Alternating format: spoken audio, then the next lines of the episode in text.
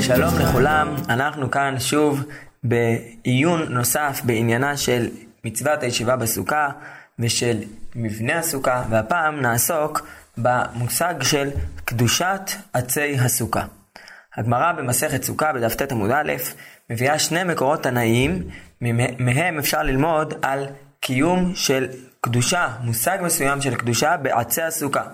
משום רבי עקיבא, מניין לעצי סוכה שאסורים כל שבעה, שתלמוד לומר חג הסוכות שבעת ימים לאדוני, כביכול הסוכה היא להשם, היא קדושה באיזושהי קדושה, קדושה בעקבות איזושהי השתייכות שלה להשם.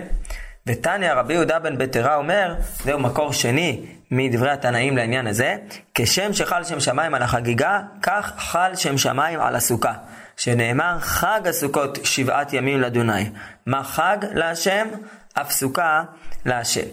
אם כן, יש כאן איזושהי אמירה שעצי הסוכה קדושים בקדושה מיוחדת. באמת הראשונים עוסקים בשאלה שאנחנו, אה, היא מבחינתנו צדדית לחלוטין, מה היחס בין המושג המיוחד של קדושת עצי הסוכה לבין מושג כללי שאנחנו מכירים אותו ממצוות נוספות, שחפץ שמיועד למצווה יש בו דיני מוקצה.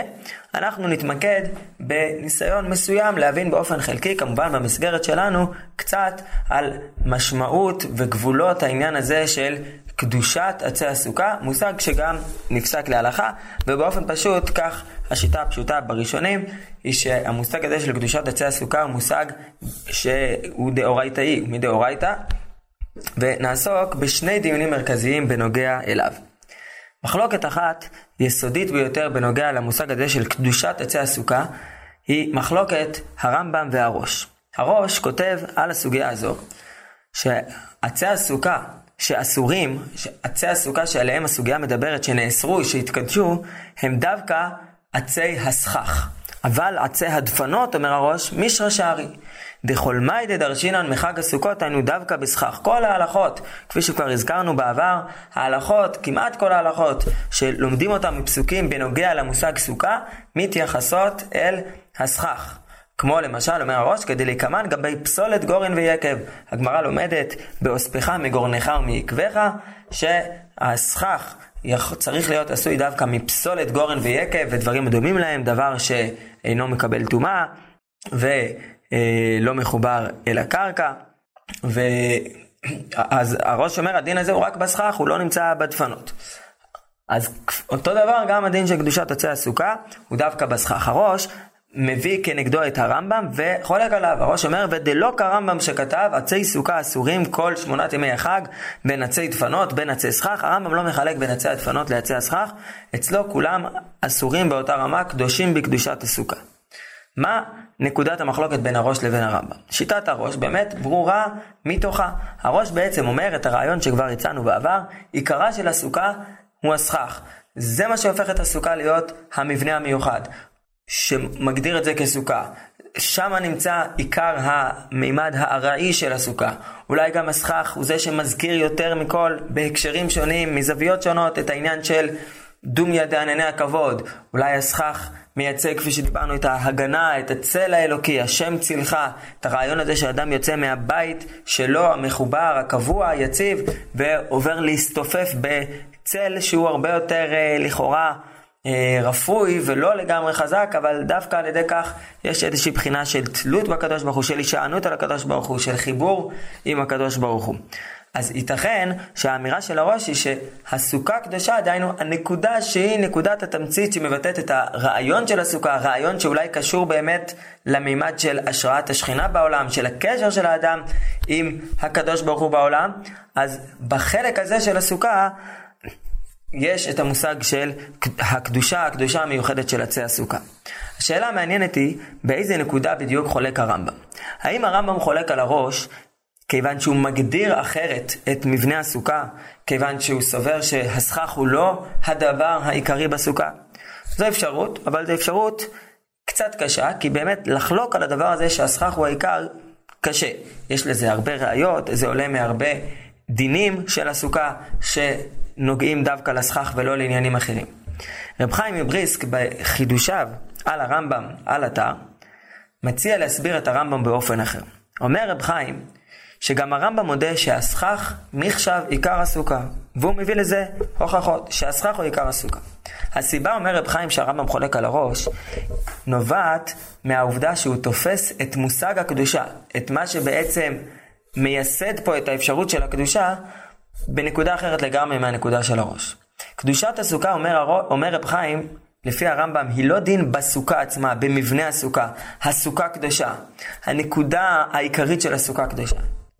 קדושת הסוכה נובעת ממצוות הישיבה בסוכה. היכן יושב האדם? האדם לא יושב בסכך יותר מאשר בדפנות. האדם יושב בתוך הסוכה, בתוך מבנה הסוכה. הקדושה קשורה למצווה של בסוכות תשבו שבעת ימים. המקום שבו אתה יושב הוא מתקדש. לא שאתה יושב במקום שהסכך שלו קדוש, אלא המקום שבו אתה יושב, המקום המיועד למצווה, הוא מקום הקדושה. וממילא כל החלקים שמרכיבים את המקום הזה, שיוצרים את. המסגרת, את המבנה של המקום הזה שבו האדם יושב, כולל דפנות הסוכה, הם בעצם קדושים. כביכול אולי אם, אם היה אפשר לומר דבר כזה, היה מקום לומר לפי הרמב"ם, כביכול גם האוויר של הסוכה קדוש. זה לא עניין של חפץ כזה או אחר, חלק פיזי כזה או אחר של הסוכה, אלא המבנה שבתוכו מתקיימת מצוות הישיבה בסוכה. הדבר הזה אפשר להביא לו תימוכין מכך שהרמב"ם מביא את הדין של קדושת עצי הסוכה בסוף פרק ו' מהלכות סוכה. פרקים ד' וה' בהלכות סוכה עוסקים בדיני הסכך, בדיני מבנה הסוכה. פרק ו' עוסק בדיני הישיבה בסוכה.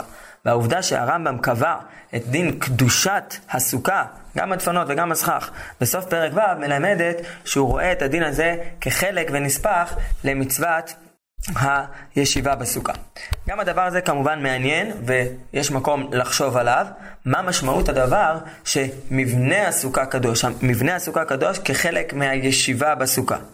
הרי יש לנו הרבה חפצים בעולם ההלכתי שאנחנו מקיימים בהם מצוות. לא כל חפץ שמקיימים בו מצווה הופך להיות קדוש בגלל המצווה. מדוע דווקא במצוות הישיבה בסוכה, הסוכה מתקדשת? אפשר לנסות ללכת לכיוון שדיברנו לפני כן בראש, או בשיטות אחרות שהזכרנו במהלך הלימוד שלנו, שמצוות סוכה קשורה בסופו של דבר לאיזשהו רעיון של קישור לחיבור להשגחה אלוקית, לליווי אלוקי, ולכן דווקא במצווה הזו יש איזשהו עניין מיוחד שדווקא היא יוצרת קדושה במרחב הפיזי שבתוכה היא נעשית. אבל יכול להיות שאפשר גם להבין את העניין הזה על פי היסוד שהתבהר כאן לגבי מהותה של מצוות הישיבה בסוכה. הצענו שמצוות הישיבה בסוכה היא בעצם מצווה מתמשכת, היא מצווה שמתקיימת על ידי כך שהסוכה הופכת להיות דירתו של האדם. אפשר להבין, במובן הזה, יש משהו בחפץ של הסוכה שונה לחלוטין מאשר שאר חפצי מצווה. כאשר אדם לוקח שופר ותוקע בו, השופר הוא חפץ שאיתו האדם עושה פעולה שמתוך הפעולה הזו יוצאת המצווה. השופר עצמו לא נושא בתוכו את קדושת המצווה. המצווה היא פעולה קדושה, היא פעולה שבה האדם מתחבר לקדוש ברוך הוא. כל מצווה היא כזו. אבל השופר לא נושא בתוכו את המצווה, הוא רק אמצעי שדרכו האדם עושה את הפעולה של התקיעה בשופר, של שמיעת כל השופר, ושם יש את המרחב, נאמר, הרוחני של ההתקדשות במצווה. כיוון שמצוות הסוכה היא להפוך את הסוכה להיות דירתו של אדם, והעובדה שהסוכה היא דירתו של אדם, היא זו ש... היא בעצם, היא בעצם קיום המצווה, כביכול המצווה לא מתקיימת בו, באדם. היא לא מתקיימת בפעולה מסוימת שהוא עושה. היא מתקיימת בכך שעל ידי סך הפעולות שהוא עושה, הסוכה הופכת להיות, היא מוגדרת כדירתו. אז אפשר כאילו לומר, הסוכה נושאת בתוכה, נושאת על גבה את המצווה. מבנה הסוכה כל הזמן טומן בתוכו את מצוות הישיבה בסוכה. את העובדה שהסוכה היא דירתו של יהודי פלוני במהלך שבעת ימות החג. ובמובן הזה כאילו המצווה ממש נמצאת בתוך הסוכה. וכיוון שהיא נמצאת בתוך הסוכה, אז קדושת המצווה בעצם חלה על הסוכה ומשפיעה עליה מבחינה הלכתית, נותנת לה דינים מסוימים של קדושה.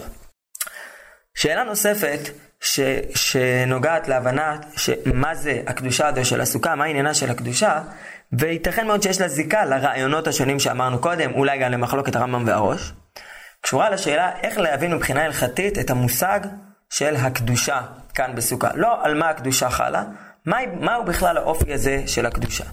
יש בהלכה מושג שנקרא קדושת הגוף. אדם מקדיש חפץ, מקדיש בהמה למזבח, מקדיש חפץ לבדק הבית, החפץ קדוש בקדושת הגוף. החומר כביכול של החפץ, הדבר בעצם הוא קדוש. יש כאן קדושה ממש, היא ממונית, קדושה ממש פיזית. האם זו הכוונה גם בקדושת עצי הסוכה? בין אם זה בדפנות, בין אם זה בסכך, זה לא ברור בכלל. והראשונים באמת דנים בשאלה הזו, ודנים האם הסוכה קדושה בקדושת הגוף או לא. וייתכן שהשאלה הזו תלויה גם בשאלה איך אנחנו רואים את מבנה הסוכה. לפי ההבנה שדיברנו עליה בשיטת רבי אליעזר, שיטת בית שמאי, שאולי הסוכה היא מעין משכן קטן, אז מובן מאוד לראות בסוכה סוג של קדושת הגוף.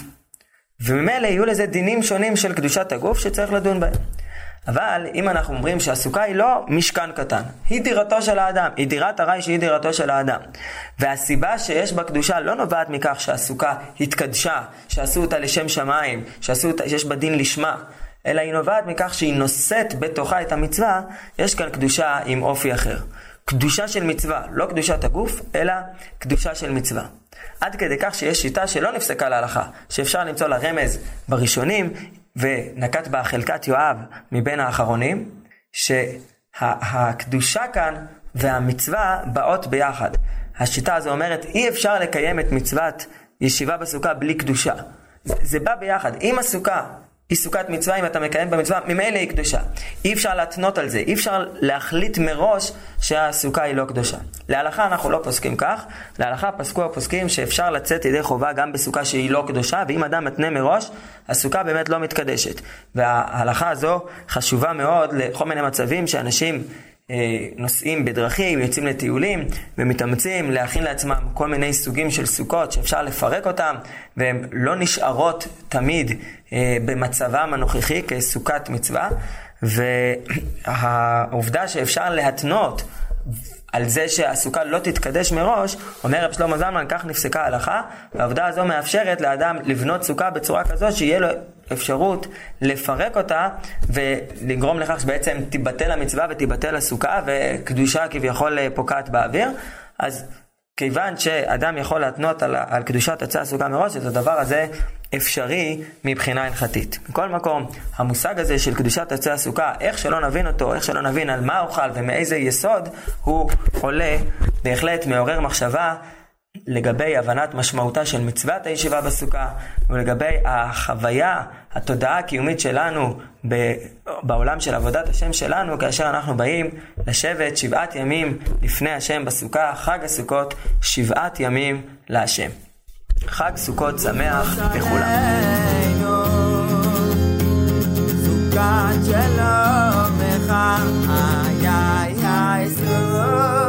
רחמים וחיים וחיים special love.